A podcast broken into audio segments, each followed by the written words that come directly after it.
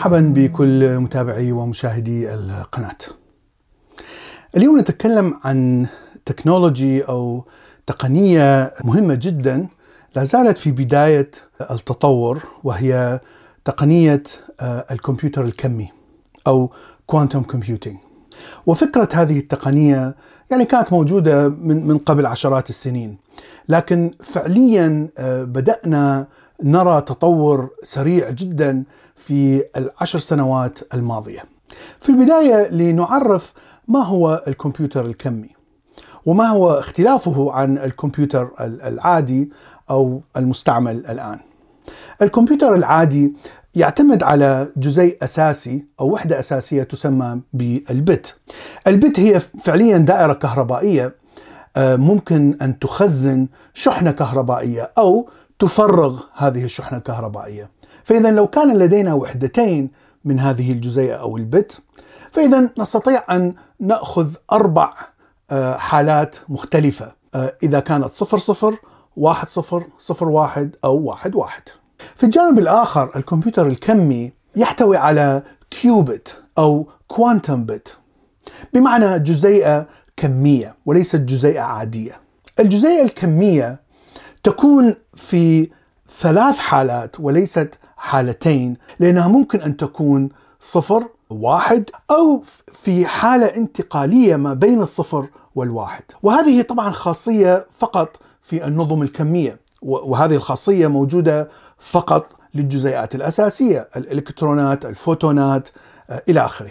وإذا أخذنا جزيئتين من ال bits الكمي qubits سيكونون في حالة تشابك كمي. بمعنى في حالة quantum entanglement هذا يعني أن إذا كانت احتمال ال bit الأول مثلا 30% إلى الصفر فإذا احتمال ال bit الثاني سيكون 70% صفر. وبشكل عام حالات التي ممكن أن نحصل عليها من الكمبيوتر الكمي مقارنة بالكمبيوتر العادي إذا كان عندنا سين من الحالات العادية فأستطيع أن أحصل على اثنين للقوه سين من حالات الكمبيوتر الكمي. لو كان لدينا 300 من الحالات الكمبيوتر العادي فإننا سنحصل على اثنين للقوة 300 في نفس الكمبيوتر الكمي الذي يحتوي على نفس عدد من البتس.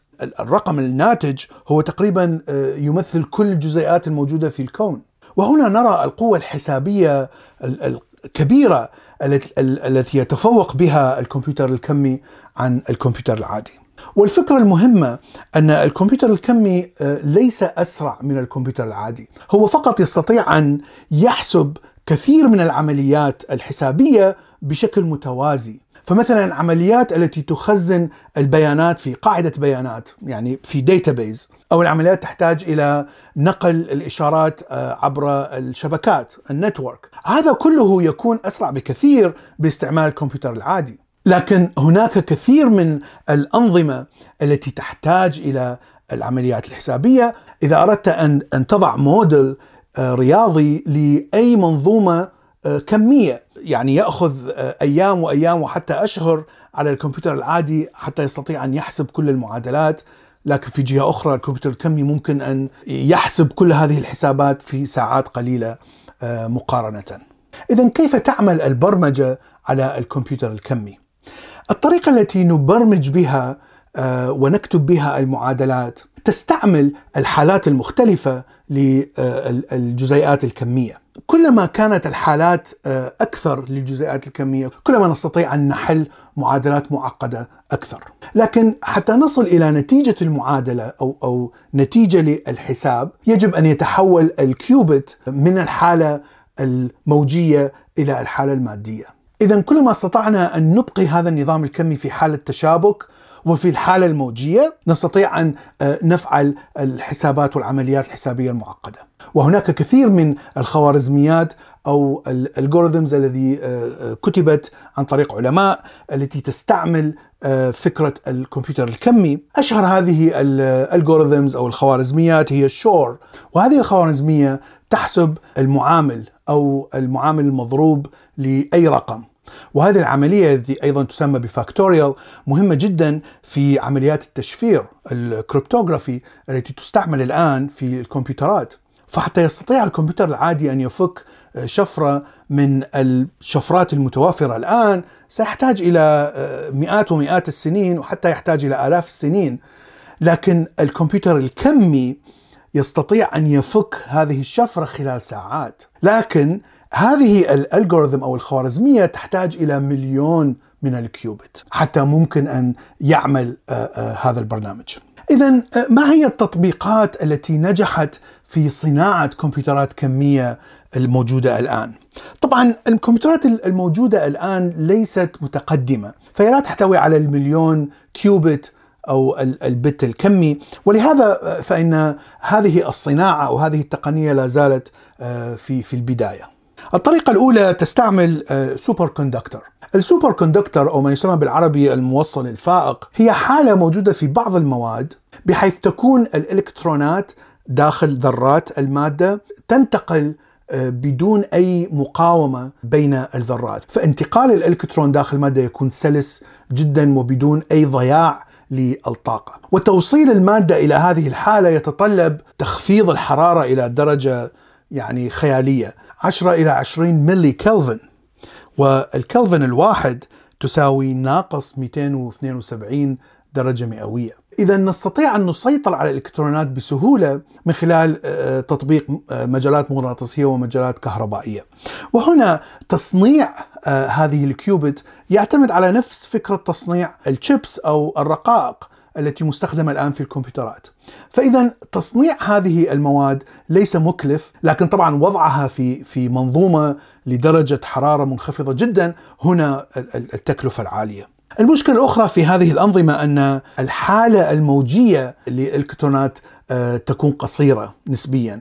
الشركات التي آه، صنعت كمبيوترات مثل IBM والكمبيوتر الحالي هو يحتوي على 65 آه، جزيئة كمية فقط qubits و Google أيضا صنعوا كمبيوتر من هذا النوع.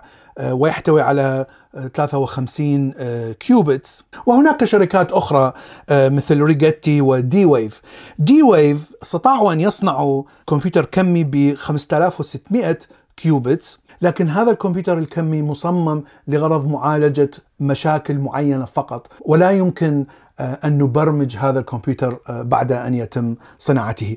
وهذا هو الشيء الذي يحاول تحاول IBM و Google وشركات أخرى آه، صنعه هو كمبيوتر ممكن أن يتقبل أي برنامج وممكن أن يحل أي مشكلة.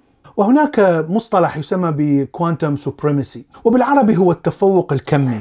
وهذا يعني أن المنظومة أو الكمبيوتر الكمي المصنوع يستطيع أن يحل مشكلة معقدة جدا وصعبة جدا يصعب على الكمبيوتر العادي حلها، طبعا مشكلة معينة وليس أي مشكلة.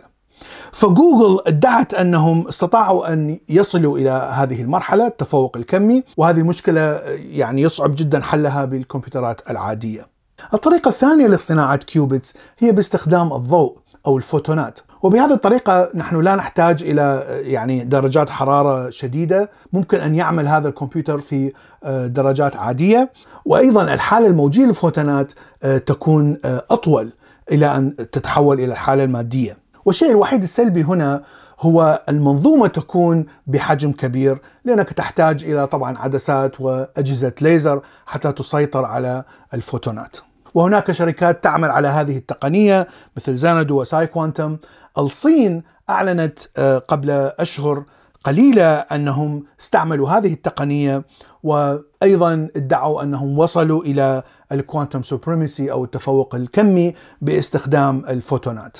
والتصميم الثالث هو باستعمال الذرات المتأينة بمعنى أنهم يستخدموا ذرات خالية من الإلكترون وأيضا تحتاج إلى تبريد لكنه ليس شديد مثل ال superconductor وأيضا نستطيع أن نحصل على الحالة العشوائية لمدة طويلة نسبيا آه، قبل أن تتحول إلى الحالة المادية. وشركة هانيويل استطاعت أن تصنع كمبيوتر من هذا النوع يحتوي على 64 qubits.